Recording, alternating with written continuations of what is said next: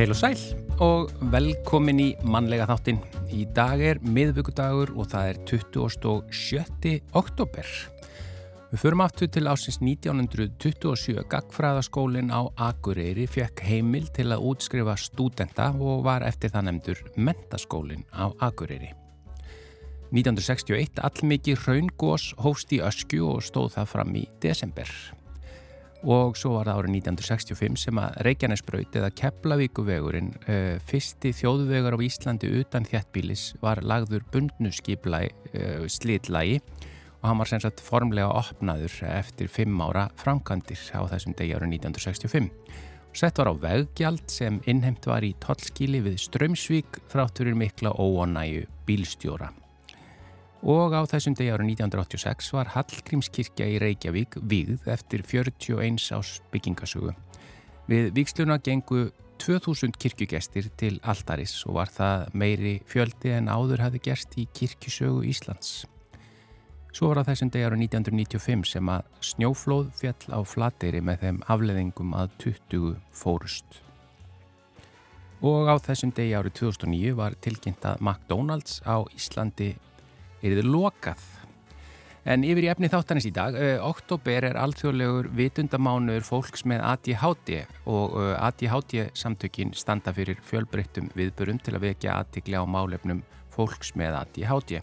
Í ár verður aðtiklinni sérstaklega beint að mikilvægi greininga, uh, meðferðar og livja og, því ástandi sem að í málum ADHD fólks er á Íslandi Eh, en byggtími eftir þessari mikilvægu þjónustu er um tvö ár. Eh, yfirskrift mánaðarins er ADHD, greining, meðferð og livbjarga lífum og Rannar Björn Arnarsson, Frankværtastjóri samtakana og Anna Tara Andrisdóttir, doktorsnemi í heila hugarstarfsemi og hegðun í háskólanum í Barcelona, ætla að koma í þáttin og segja okkur frekar frá. Svo er það bókin undir Gjallregni. Það er frásögn lauruglumannsins Ólafs Ragnars Sigurssonar af eldgósunni í Eyjum 1973 en Ólafur var nýráðinn lauruglufjóðn í Vesmaneyjum. Þegar eldgósið hófst aðfara nótt 23. janúar 1973 og Ragnar varð eftir í einni við Björgunarstöður næstu vikur og skráði hjá sér minnisverða atbyrði stóra og smá og eru þeir upp í staðin í bókinni og Ólafur og barnabarn hans, Mari Linda Jóhannsdóttir sem aðstóðaðan við skrifin koma í þáttin í dag og svo fáum við postkort frá Magnús Veri einasinni. Í postkorti dagsins er sagt frá skemmtanalífi og vissluhaldi Vesmanæenga, svo fá frá ferðalöngun Magnúsar frá því að hann var strákur austur á fjörðum. Hann segir frá frægri veggmynd á múrnum í Berlínaborg sem nú er orðin, orðin eitt helsta tákn borgarinnar og frá deilum sem eru ristnarmilli e, breyta og indverja vegna gimsteins sem indverjar segja breyta hafa stólið en príðir nú kórunu væntanlegar drottningar. E, við byrjum auðvitað þáttin á tónlist eins og alltaf e, þetta er Haugur Mortens og Erla Þorstinsdóttur sem syngja lagið Þreg og Tár.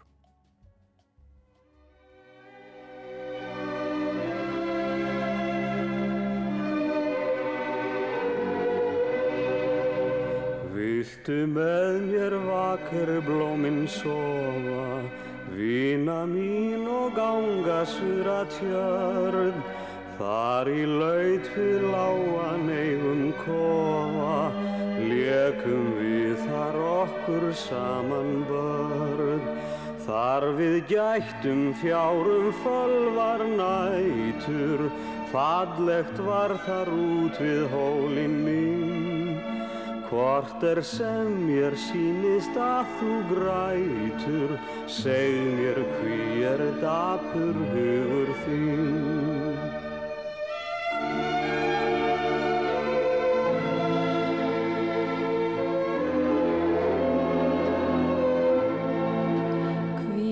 Græt og burt er æskan bjarta, bensku minnar dáin er sárt í sínu unga hjarta að sjá hvers lokna öllins gestu ljós. Og hver fegin vild ég verða aftur, morsins barn og hérna leika mér. Nú er lama þrek mitt þrótum kraftur, þunga sorg á herðum mér ég ber.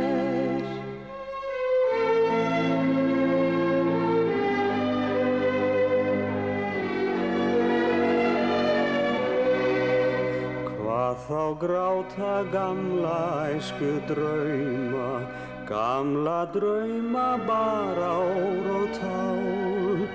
Láttu þrekki þrýfa stýrist hauma, það er hægt að kljúfa lífsins ál. Kemur ekki vor að liðnum vetri, vaknei nýja rósir sumar hvert. Voru hinnar fyrri færi betri, feldei tár en glöð og hugrekk verð.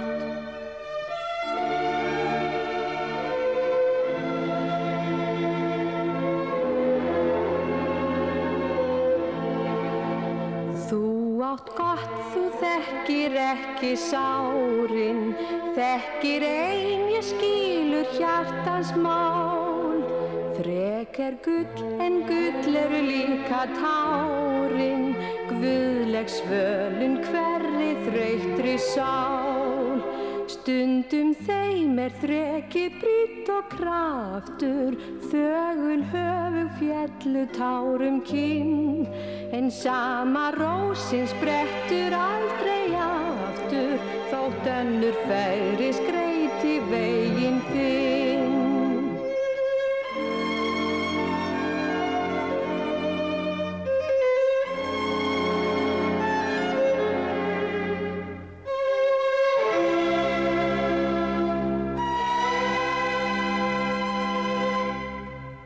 Já, þetta var Lægið Þrek og Tár, það voru Hauku Mortens og Erla Þorsteinsdóttir sem að sungu. Lægið er eftir Otto Lindblad og Guðmundur Guðmundsson samti textan. En við ætlum aðeins að uh, velta fyrir okkur, uh, það er að segja, oktober er alþjóðlegur vitundamánuður fólks með ADHD og hingað eru komin Rannar Björn Arnarsson, frangandastjóri ADHD samtakana og Anna Tara Andrisdóttir, langu titill, doktorsnemi í heila hugarstarfsemi og hegðun í háskólanum hjá, í Barcelona og við rannsaka sérstaklega ADHD hjá konum, velkomin í manlega þáttinn. Takk fyrir. Það er sko þessi yfirskrift mánaðarins, ADHD, greining, meðferð og liv, bjarga lífum. Þetta eru þessi, þetta þrennt sem að þið eru að leggja mesta áherslu á og, og, þetta er, og það enda með þessi á upprópunamerki. Því að það er, byrjum bara á þessi, það er að segja þessi byð sem að er núna þessi byðlistar uh, rannar. þú- Já, já, þeir hafa því miður, þetta er ekki nýtt mál, þeir hafa verið viðvarandi og hafa því miður bara verið að lengjast eh, þrátt fyrir ábendingar okkar undarfærin ár. Eh, Nú eru cirka 1200 fullornir á, á byð eftir eh, ADHD greiningu, 800-900 börn eh, og þetta er tveggja til þryggja ára byð og eh, fyrir, fyrir börn sem er að basla í grunnskóla þá er þetta, þetta bara döðans alvara. Eh, getur þýtt að fólk, eh, þær, þau drægist aftur úr og lend út á kanti og, og, og lemdi út í á brautum sem við teljum öll óaskilegar og fyrir fullorið fólk að, að einhvern veginn fresta því um 2-3 ár að taka e, taka á þeim enginu sem ADHD e, er að tröflaði með e, getur líka bara haft mjög alvarlegar aflengar þannig að þetta annars vegar og síðan e, rannsóknirnar sem sína bæði meðferð og, og líf, hvað áhrif það getur haft á e, líffólks með ADHD til hins betra e, verða menn bara að vega og metta saman og, og, og leysa þessi mál, þar að segja e, þurku bílistana og gefa fólki tækifæri á að e, leita í þær bjargir sem að til staðar eru, líf og meðferð. Já, það er uh, málþing á morgun, uh, haldið í, í Grand Hotel á ykkar vegum, uh, það er að segja fymtdægin, milli 1 og 4 og þar er þú að tala, Anna Tara, Já. viljum við betra líf? Það er spurning sem þú kasta fram. Hva, hvað ert að fara að ræða?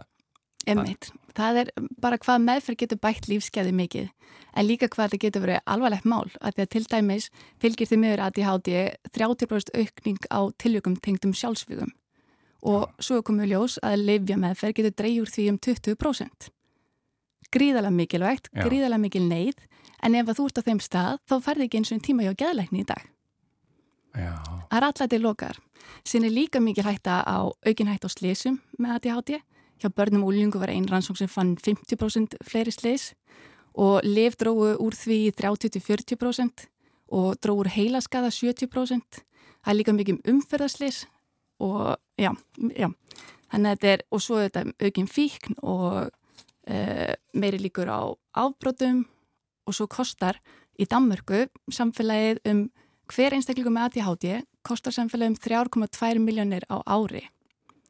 Þannig að það segir sér alveg sjálft að það ætti klárlega að veita þessa hjálp að því að það hjálpar bara öllum sviðum. þannig að þessi byð eftir greiningu í rauninni sem er væntanlega tilkomin vegna uh, fjármakskort, mm. en, en, en með hvað þú talar að þetta kosti samfélagið eða kerfið, þá, þá er þetta kannski ekki mikil sparnaður að Nei, þetta er alveg klárlega verið að uh, spara krónuna og, eða sp- spara auðrinni að henda krónunni. Að því reiknistæmi er alveg klárlega þannig svona þjóðhagslega. En svo er þetta bara uh, lífsgæði fólks sem eru þetta uh, aðalmáli fólks með ADHD sem að fólk, uh, þetta, þessi uh, þetta er rauninni verið að forsmá uh, þá forgansöðun. Þannig að það er allt sem mælum með því að þetta verið lagað og, og við rauninni skiljum ekki hvað hvað tefur stjórnvöldi í því að grípa til að gera. Já, ég sá stutt myndband á, á síðan ykkar þar sem að er verið að tala um að livjagjöf geti, að fólk geti haft svona uh, skoðanir á því að, að vilja helst verja börn sín fyrir livjagjöf mm. uh, en það er verið að mæla einmitt uh, gegn akkurat því uh, útskýrið aðeins. Já, ég sko, við erum sjálfur sér ekki að segja að allir eigi að fara á lif með ADHD. Það er fullt af fólki sem að er með ADHD og lifi bara fínu lífi og, og fungerar flott.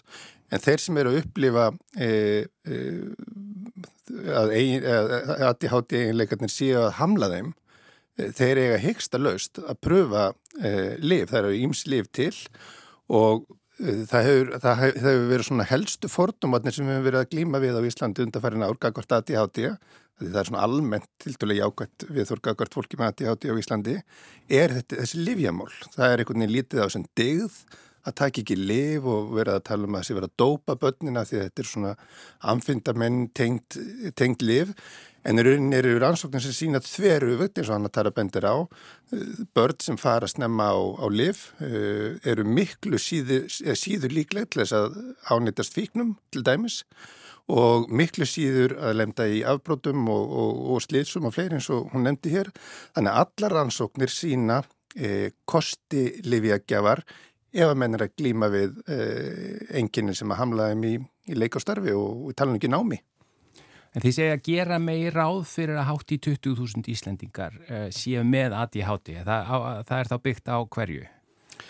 E, það er í rauninni þessar, þessar svona alþjóðlegu, þessir alþjóðlegu staðlarum hversu margir eru með ADHD. E, þeir hafa reyndar verið að fara ansi mikið upp og svona tölurnar sem við sjáum með lífanótkun á Íslandi dag sem byggjast á greiningum sína í rauninni að við þurfum að fara að endur skoða þessar tölur og, og við erum að minnst og kosti 20.000 segjum við í dag. Ég hugsa séum fleiri e, og ég hugsa það rannsóknum minni sína þá næstu árum að, að þetta sé mun algengara heldur en við teljum í dag bæði á fullornum og uh, börnum. Og þetta er þá kannski ekki að aukast heldur bara að greiningin er að verða betri? Já, það er verið að greina meira. Já, ég, ég held að þessi klárlega það sko. Til dæmis hafa, hafa konur sem að Annatara hefur nú verið að stúdera eh, síður fengi greiningar undan förnum áratugum að því að þær hafa ekki verið með þessa hreyfi og virkni en hausin hefur verið á fullu eh, og þær hafa kannski þess að frekka verið með aðtiklisbrestin en skólakerfið hefur ekki gripið þær og þess vegna hafa þær reyni settið eftir og er að koma inn núna. Já. Já. Og er sko uh, þetta, er að segja, því það er að farist í aukana að fullorðið fólk sé að fara í greiningu en, en er bygglistin jafn langur fyrir börn í dag? Já, það er ekki jafn margir ánum en það er jafn lang byggð nánast, 8-900 börn, 12-1300 fullorðnir, það er staðan eins og hann er í dag. Svo er oft minna að tala um til að minns áhrif ADHD á sambund að því að maður veit að það er alveg rosalega mikið af, af fólk hérna úti sem þjáist í samböndunum út af því og veit kannski ekki að út af því eða veit ekki hvað, hvað meðferð getur hjálpa samböndunum mikið uh, mér finnst mjög sorglegt að missa ástunni í lífunu sinu þegar maður þurfti þess ekki Já, ég menna þið talið hérna um uh, al, alvarlegar afleðingar ADHD en uh, Rannar, þú talaði samt um jákvægt viðhorf mm. Íslendinga er, erum við ekki að taka þetta nógu alvarlega eða af hverju er, er staðan svona? E, jú, ég held að við séum alveg að taka, e, það er að segja samfélagið er að taka þetta alveg e, alvarlega mm. e, en við sjáum líka jákvæða þætti með aðti hátið bara fyrir mannkinnið og, og samfélagið heilta því það eru eiginleika sem fylgja þessu kvatvísi og sköpunargleði og, og, og fjölhyggli, frekar en aðtiklisprestur e, sem að hafa klárlega nýst samfélaginu og bara mannkininu í að þróa sig áfram og, og verða eins flott að það veri í dag. E, þannig að e, það er ekkert skrítið að þetta, við, að þetta er genetist, það er ekkert skrítið að þetta við haldist með mannkininu, bara flottir einstaklingar í gegnum sögun að hafa, hafa er unni sér til þess að þetta, þetta er haldið áfram að breyðast og það getur verið einn skýringin fyrir því að þetta sé algengar á Íslandi heldur en annars það er að að vikingarnir sem hinga komu og, og námi hér land hafi kannski verið fleiri með aðti hátti heldur en, heldur en þeir sem byggðu önnu land. Spurningum að greina það aftur í tíman. Já, heldur Kári sé ekki að því. Já, já Ranna Björn Arnarsson, frangatastjóri aðti hátti í samtakan og Anna Tara Andrisdóttir, doktorsnemi og þú mun tala á morgun mál, á málþinginu á Grand Hotel milli 1 og 4 sem er opið vantarlega fyrir bara alla. Já, já, allir, allir velkomir. Já. Rannar og Anna Tara, takk kjalla fyrir komuna í manlega þáttin. Takk. takk.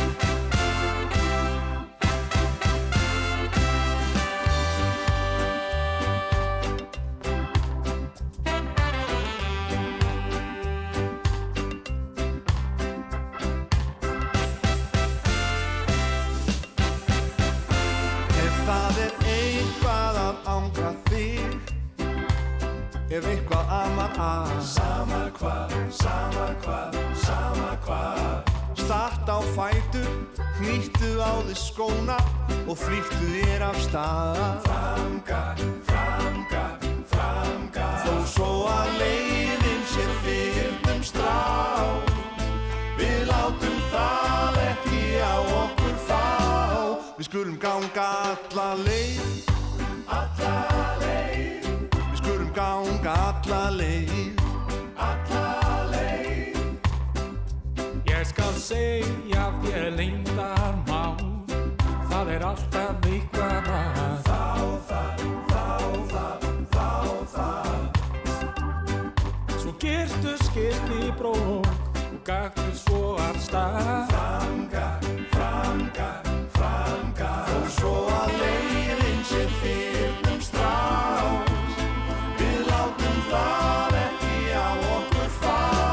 Við skulum ganga alla leið. Alla leið. Við skulum ganga alla leið. Alla leið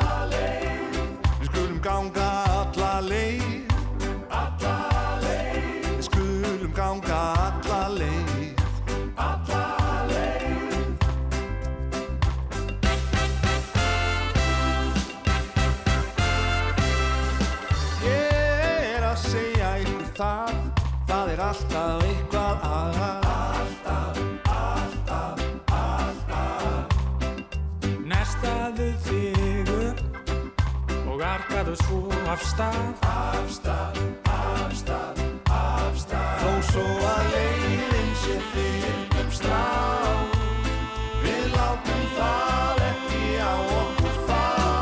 Við skulum ganga alla leið Alla leið. Við skulum ganga alla leið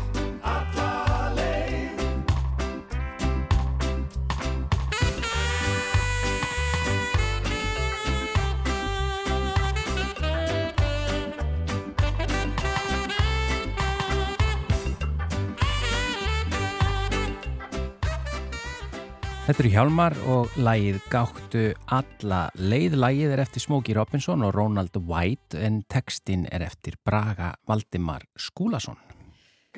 Ólafur Ragnar Sigursson var nýráðin lauruglufjótn í Vestmanneum þegar eldgós hófst að fara nótt 23. janúar 1970 og þrjú.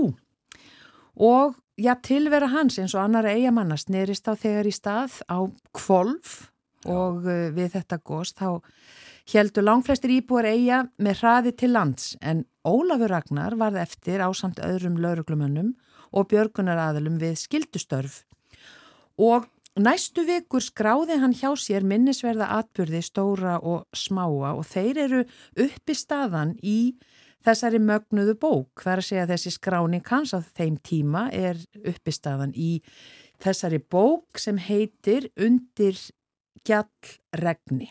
Frásögn lauruglumanns af gósinu í eigum 1973. Já. Og Ólafur Ragnar Sigursson er sestur hérna hjá okkur. Já. Velkomin Takk til okkar. Takk. Og með þér er barnabarnið þitt, Mari Linda Jóhannsdóttir sem hjálpaði til við útgáfuna. Já. Og uh, er það ekki hand, handriðsgerð? Já, handriðsgerð og, og myndirnar og svo leiðis. Já, einmitt. Mm -hmm. Í fyrsta lagi, af hverju ákastu að skrá allt hjá þér? Þessa fyrstu vikur? Ja, þetta, þetta byrjaði nú þannig að ég var vörubílstjóri, fara mára á mótum 72-3 og og ég lindist áfram á þessum vörubíl þó svo að ég væri orðin laurglumadur.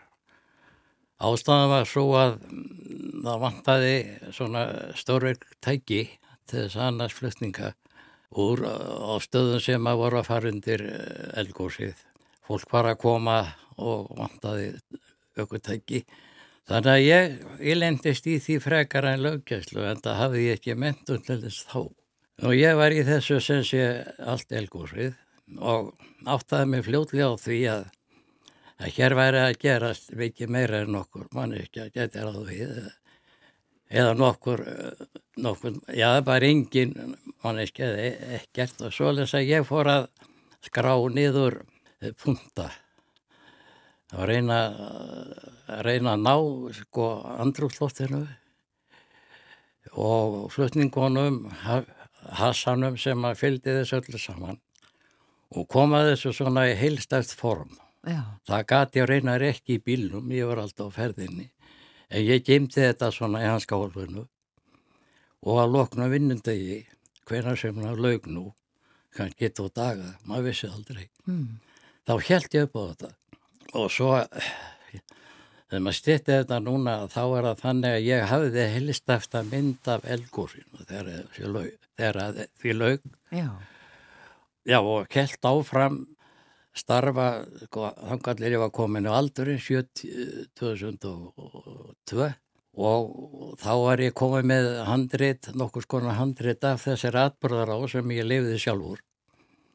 Og ákvaða halda í tengslinn ná þeim, ekki klata þeim Já. Svo, svo skeður það að, að hérna að líður þarna, líður þarna nokkuð mörg ára á milli þess að ég kláraði að ganga frá þessu handriti þangar til að ég fór að vasast í því aftur. Já. Og þá, þá er ég komin á aldurinn og ákveða að fara upp í sömabústað til þess að klára þetta og við förum þanga ég og konan og eru þar um tíma. En það gengur ekkert. Ég næ ekki sambandi. Nei. og þá fer ég til Vestmanni því að vantaði upp á að klára þetta. Það vantaði inn í þetta svona eh, meira mennulega atbyrðar ás það þurfti að koma það sem ekki var hægt að skrá helst ekki og en að hafa séð það og lifa það. Já. það var kunstinn Svo ég hérna hamaðist við þetta heim í eigum, ég reif glukkatjöldin frá glukkanum og þá blasti við mér það sem að vantaði. Það var að gera þetta á staðnum. Síðan bara kláraði þetta hérna eins og ég var maður til og árið eftir þá sögðum mér að það væri kannski rétt að reyna að koma þessi útgáðu. Það gekk ekki.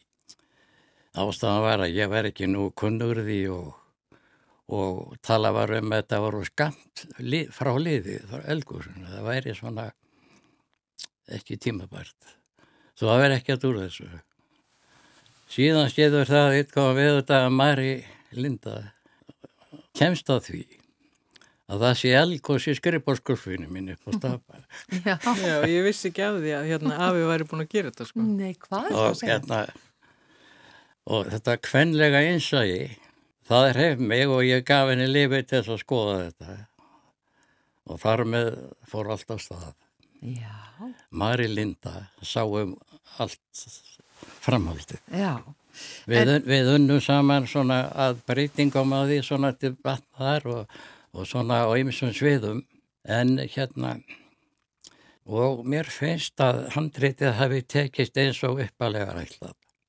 Kunsti var að halda hérna, halda þessu jafnvægi sem maður var búin að finna fyrir. Að missa ekki út í loft, það var auðvelt að skrifa, skrifa textan en það þurfti að koma inn í hann svona eitthvað snögt, eitthvað óvænt fyrir lesendan til átt að segja á því að veri mikið meira ske en í raun var að vera að segja frá. Akkurát. Já, að ná svona tilfinningunni í Já. þessu, að fólk finni hvað var, Já. þú veist hvað þetta var erfitt og Já. hvað þetta tók mikið á og svo leiðis.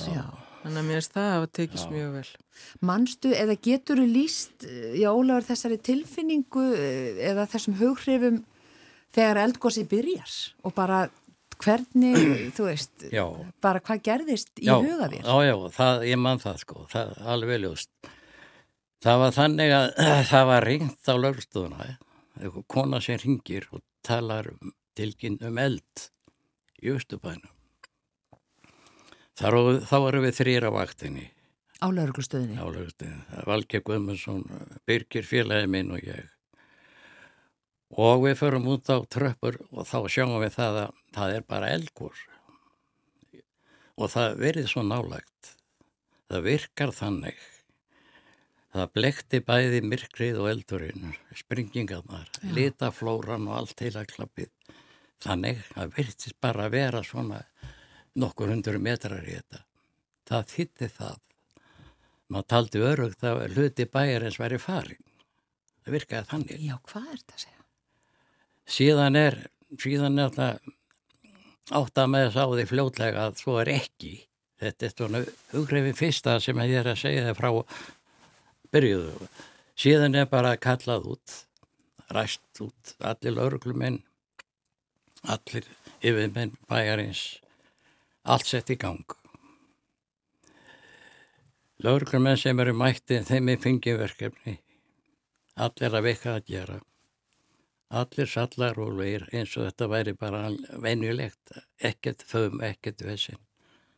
Svo hérna er ég sendur strax út. Ég fer þá hlaupandi bara hérna austur á eigu til þess að ræsa fólk út í húsum. Flestir voru farnir. Maður mætti fólki á leiðinni í burt. Við vorum á lög, með á löglustöðinni aðvöruna kerfi sem að virkaði þannig að það var bara bruna, voru brunalúrar og tveirum stöðum í Vestmanni sem fór í gang. Það hljómaði um alla í og það vissu allir hvað var ekki eld, að kvikna í en engun dætti að vera eldgóðsferðinni. Fólk fer strax að huga því að koma sér út skipunum hvert að ekkert að fara. Það gengum bara hljóðlega eftir gundum bæjarins eins og þetta væri bara ekkert mál. Krakkarnir, fötturðið fólk, róleitum. Næsta verkefni hjá mér er að fara á sjúkrahúsið og hjálpa þar. Setjum sjúklingin í rútu og við förum með þetta upp á flúvöldin.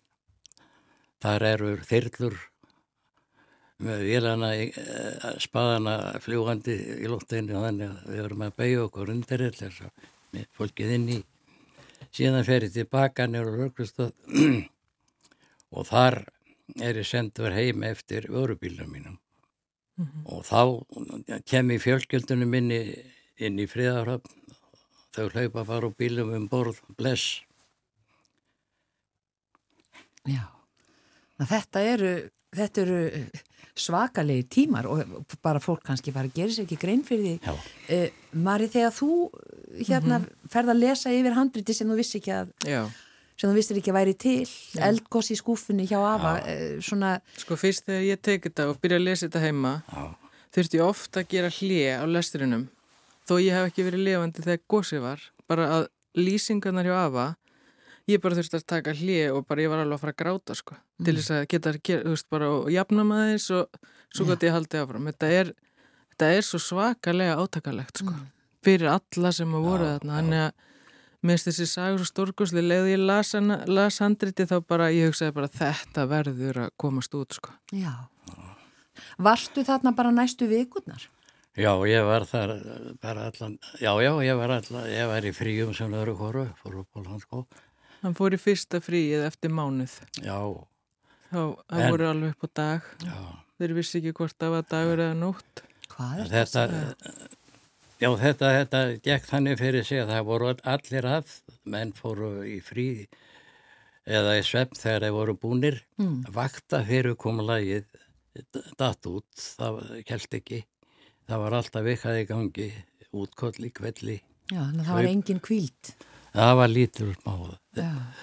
síðan komu laurugluminn og Reykjavík til að geta þess að þeir komu 20 laurugluminn og Reykjavík hérna fyrstu núttina og það var stórgóðslegt að fá þá mm.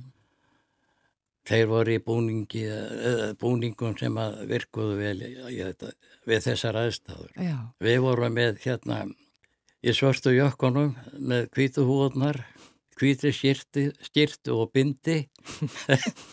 Í lagskóm kannski Já. bara? Lagskóm, þetta henni við við vorum drefnir úr þessi kvelli en, en myndur þú segja að þessir brunalúðrar sem þú nefndir á þann e, svona, skiptu þeir sköpum í því að vekja fólk og koma þeim út? Akkurat, akkurat Er þetta ennþá í eigum? Nei, þetta er breytt. En hugsaðum bara það að þá er ekki þessi það voru bara heimasímatni til það var ekki þess mm að handfrjálsög góðu græu sem við búum við núna og heimasímatni og það voru auðvitað fjarskiptatæki á milli stofnana Já. þannig að samband við fólk var ekkert Nei, nema í gegnum bara heimasíman Já, en, já. Hvað nær þessi bók langt? Hversu hérna er byrjað bara 23. janúar? Og... Hann tökur smá formúla mm og svo byrjar aðeins að segja smá áður og svo er, tekur, er allt gósið og þegar uppbyggingin byrjar heima og fólki fer að snúa aftur tilbaka þá, þá líkur sögunni. Já. Já. Og þau skrifaði söguna krakkarni minni líka, endurminninga. Og Hulda sýstir hans afa, þau skrifa sér satt sína upplifun, Já. hvernig það var að þurfa að fara upp á land, hvað þau voru að gera upp á landi sem krakkar og eins Hulda hún skrifar hvert hún og fjölskyldan hennar þurft að fara. Já, já.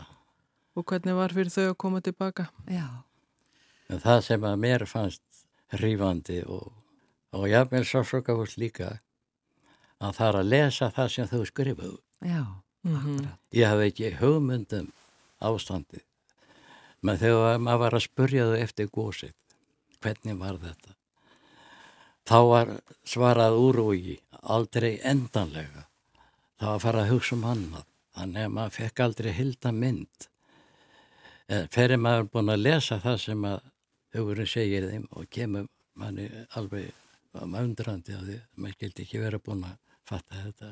Já, en það kannski þarf þennan tíma til þess að vinna úr mm. þessu, þessu áfalli. Já, ég held það sko, það sko. Já, en þetta er merkili heimild undir, undir gjallregni heitir þessi nýja bók sem, sem var að koma út og sem er eins og við hefum heyrt hér frásögn lauruglumanns af gósinu í eigum 1973 Ólafur Ragnar Sigursson og Mari Linda Jóhannsdóttir uh, uh, barnabarn Ólafs mm -hmm. og hérna handrit höfundur einni, bara kæra þakki fyrir að koma Já.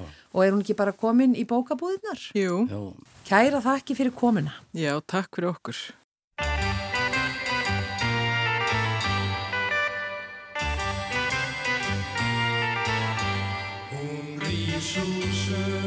Sælum í sylki mjúkum blænum með fjöll í feldi grænum mín fara heima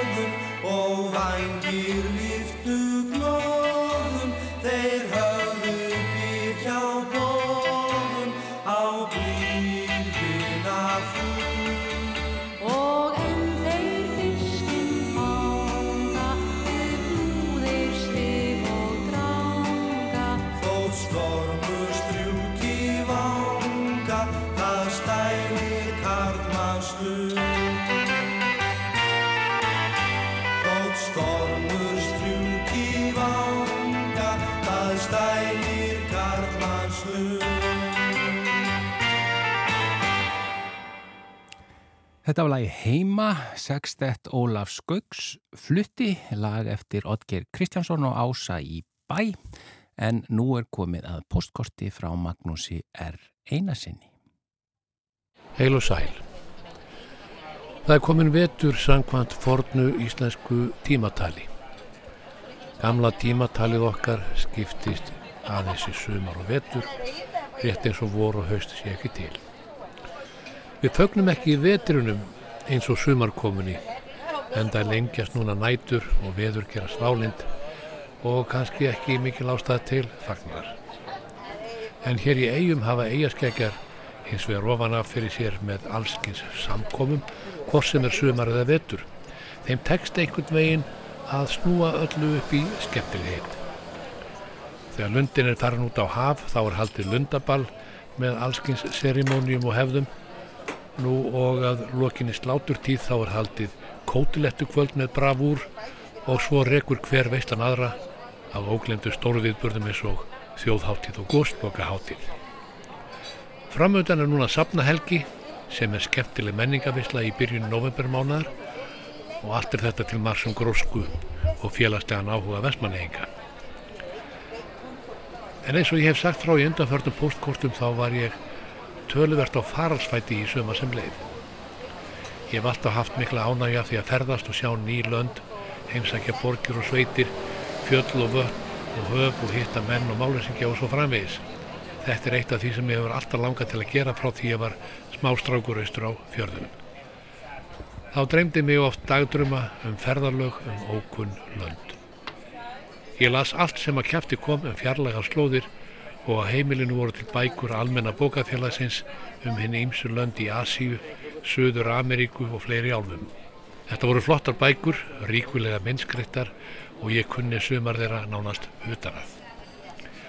Og þess utan var maður fastagestur á bókasafnin og fann þar ferðabækur og skáldsögur og myndasögur um löndin í fjarlægum álfum því það var alltaf stefnan að komast burt frá seyðisfeyði og sem lengst og víðast um veröldina. Og það tókst mér þokkalega og ég hef ferðast víða um Evrópu, Asíu, Norður Ameríku og Eyjálfu og hef búið Erlendis í hartnar 12 ár. Afrika og Suður Ameríka eru nánast alveg eftir, ég hef reynda komið til Egiptalands en ekki meir en það. Og í næsta mánuði fer ég til Kúpu en hún telst til Norður Ameríku álfu þótt hún til er í því menningasvæði sem kallast Latneska Ameríka. Veröldin er bók og þeir sem aldrei ferðast fá ekki lesin með eina blaðsíðu, sagði heilagur Ágústínus. Og það eru til margar klísur um það hvað ferðarlegin geta fært manni, maður lærir að þekkja sjálfa sig, maður sér heima landið í öðru ljósi eftir ferðir til annar landa og svo framvegis. En það helsta sem ég hef lært af mínum ferðum er hvað ókunnugt fólk er í langflestum tilvikum greiðvikið og hjálpsamt við langt að komna ferðaloka. Vissulega hefur maður lent í leiðindum og tvísvar var ég rændur, einu sinni í Rúsland og öru sinni á Spáni. En það eru algerur undatekningar, tvö eignablík og margra ára dvöl Erlendis. Ég hef heimsótt Berlínaborg nokkru sinnum undan farin tvö ár. Hafði að vísu verið þar nokkru sinnum áður fyrir mörgum árum en nú hef ég haft tíma til að kynna sporginni, rata um hana og skoða. Merkileg og dramatísk borg sem geymir sumt það besta og margt það versta í vestrætti menning og sögu. En þá er uppistandandi partur af múrnum sem skildi að vestur og austur Berlín á tíma kaldastriðsins. Þessi partur er látin standa sem minningum þá dökku og vondu tíma. Austan megin við múrin hafa verið málar veggmyndir á hann sem eru marga hverjar afar sláandi. Svo frægasta ber heitið Guðminn hjálpaði mér að lifa af þessa bannvæn vást. Myndin er eins og frægasta sinnar tegundar í veröldinni og veggmyndin gengur í daglegu tali undir heitinu Bræðra Kossin. Hún sýnir Leonid Brezhnev, leitu á Sovjetrikina Kissa, Erik Honecker, leitu á Östu Þískalands, blöytum kossi beint á munnin, báðir með lokuð augum. Veggmyndin var máluð 1990 þegar Þískaland var saminað og listamadurinn var rúsneskur, hann hétt Dimitri Vrubel og var einn 117 listamanna frá 21 landi sem hópuðust til Berlínar til að mála veggmyndir á þann hlutamúrsins sem ákveðið var að láta standa. Dimitri notaðist við ljósmynd sem hafði verið tekin af frönskum ljósmyndara, Regis Bossúanafni, árið 1979 þegar Brezhnev heimsótti vinsinn Honecker í tilhefni af 30 ára afmæli þýska alþýðulíðveldisins. Svo ljósmynd byrtist víða og vakti mikla aðtikli á sínum tíma. Koss hjá karlmönnum af þessu tægi þekktist bara ekki hínu vestræna heimi nema hjá samkynhegðum en var hins vegar algengur hjá austantjálsleitugum líklega til að sína kommunískan kærleik og samstöðu. Nú eru liðin rúm 30 ár frá því að bræðrakossin var málaður og er hann núna eitt helsta tákn Berlínaborgar. Hann er að finna á ótilendi bólum, postkortum, regnlífum, kaffimálum og þannig dóti. Miljónir túresta fara að múrnum til að skoða myndina og taka myndir af sér með bræðrakossin sem bakgrunn. Myndin er svo hrífandi í satíriskum einfallleiksinum Hún er svo sjokkerandi tákn valds og undirgefni að hún hefur verið nótum margsinnis með aðra leittóga í sleik. Eftir innrást rúsa í Júkræni í februar síðistliðnum byrtist dúkur á múrnum með mynda Putin og skröder fyrir um kanslara í Kossi.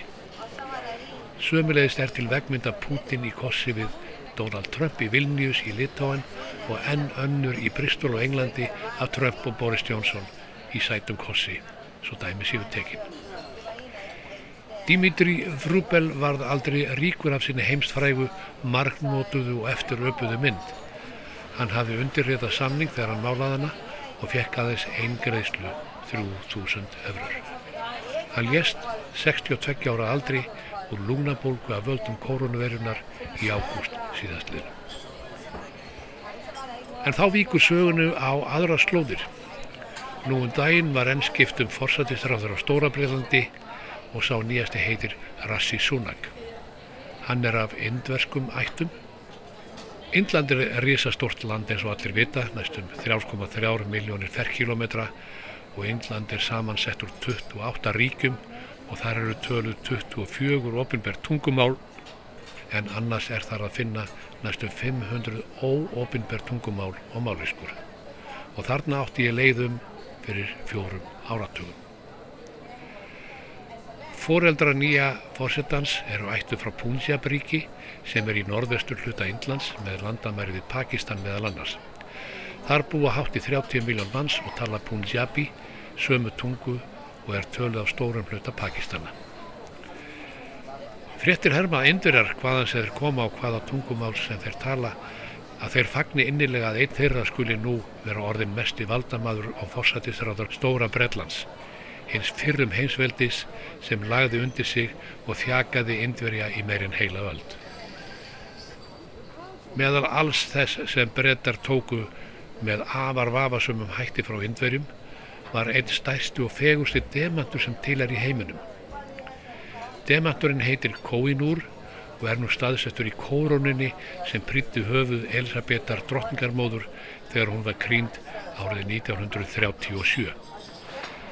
Demanturinn sem vegur um það bíl 105 karut og er á stærð við lítið egg.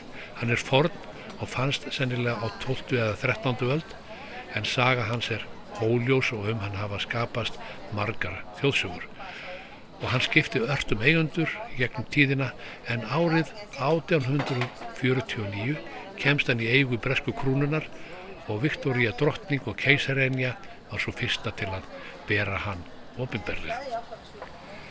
Þetta helsta djást bresku krúnunar er aftur komið í fréttir vegna væntanlegra krýningar Karls konungs þriðja og konu hans Kamilu í mæi næsta vor.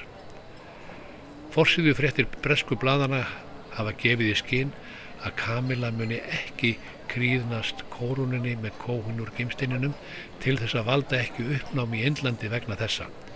En indverjar hafa allt frá því að þeir fengu sjálfstæði fyrir 75 árum krafist þess að gimsteininum verði skila. Hátt settir embatismenn indverja segja að kóhun úr gimsteinin í kórunu breytadrottningar sé tákn um óafsakanlegt og villumannslegt arðarán. Ef Kamila verður krynd kórununni með demantunum þá sýnir það að breska stjórnin ætla að viðhalda arfleið nýlendurstefnunar og það sé sorglegt að breyta skul ekki ennþá verða reyðubúnir að afsaka blóðuga misnótkun sína á indversku þjóðinni og ætla að sína stólinn gemstein sem hluta af stolti sínu. En það er ekki bara indverjar sem vilja fá kóinor gemsteinin frá breytum. Það gera líka pakistanar og afganir en ýmsir mókular þeirra áttusteinin og einhverju tímabili í langri sögans. Það verður því ekki alveg auðvelt fyrir Rassi Sunak nýja fórsættistráþarann að setja undir pressu frá indverjum. Nú þegar breytar eiga mikið undir því að ná hagstaðum viðskipta samningum við indverja í kjölfar Brexit. Sem stendur veðja flestir á að Kamila verði krýndu drottning með annari kórunu en þeirri sem kóhinur kýmsteinin umdeildi príðir bestu kveðjur og góðar stundir.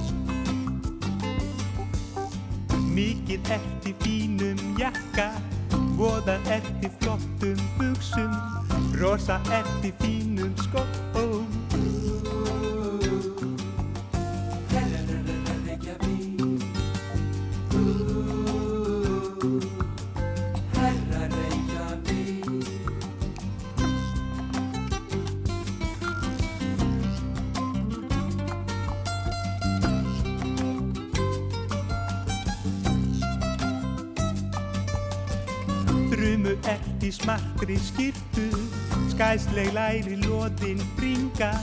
Jöfull eftir grúi skílu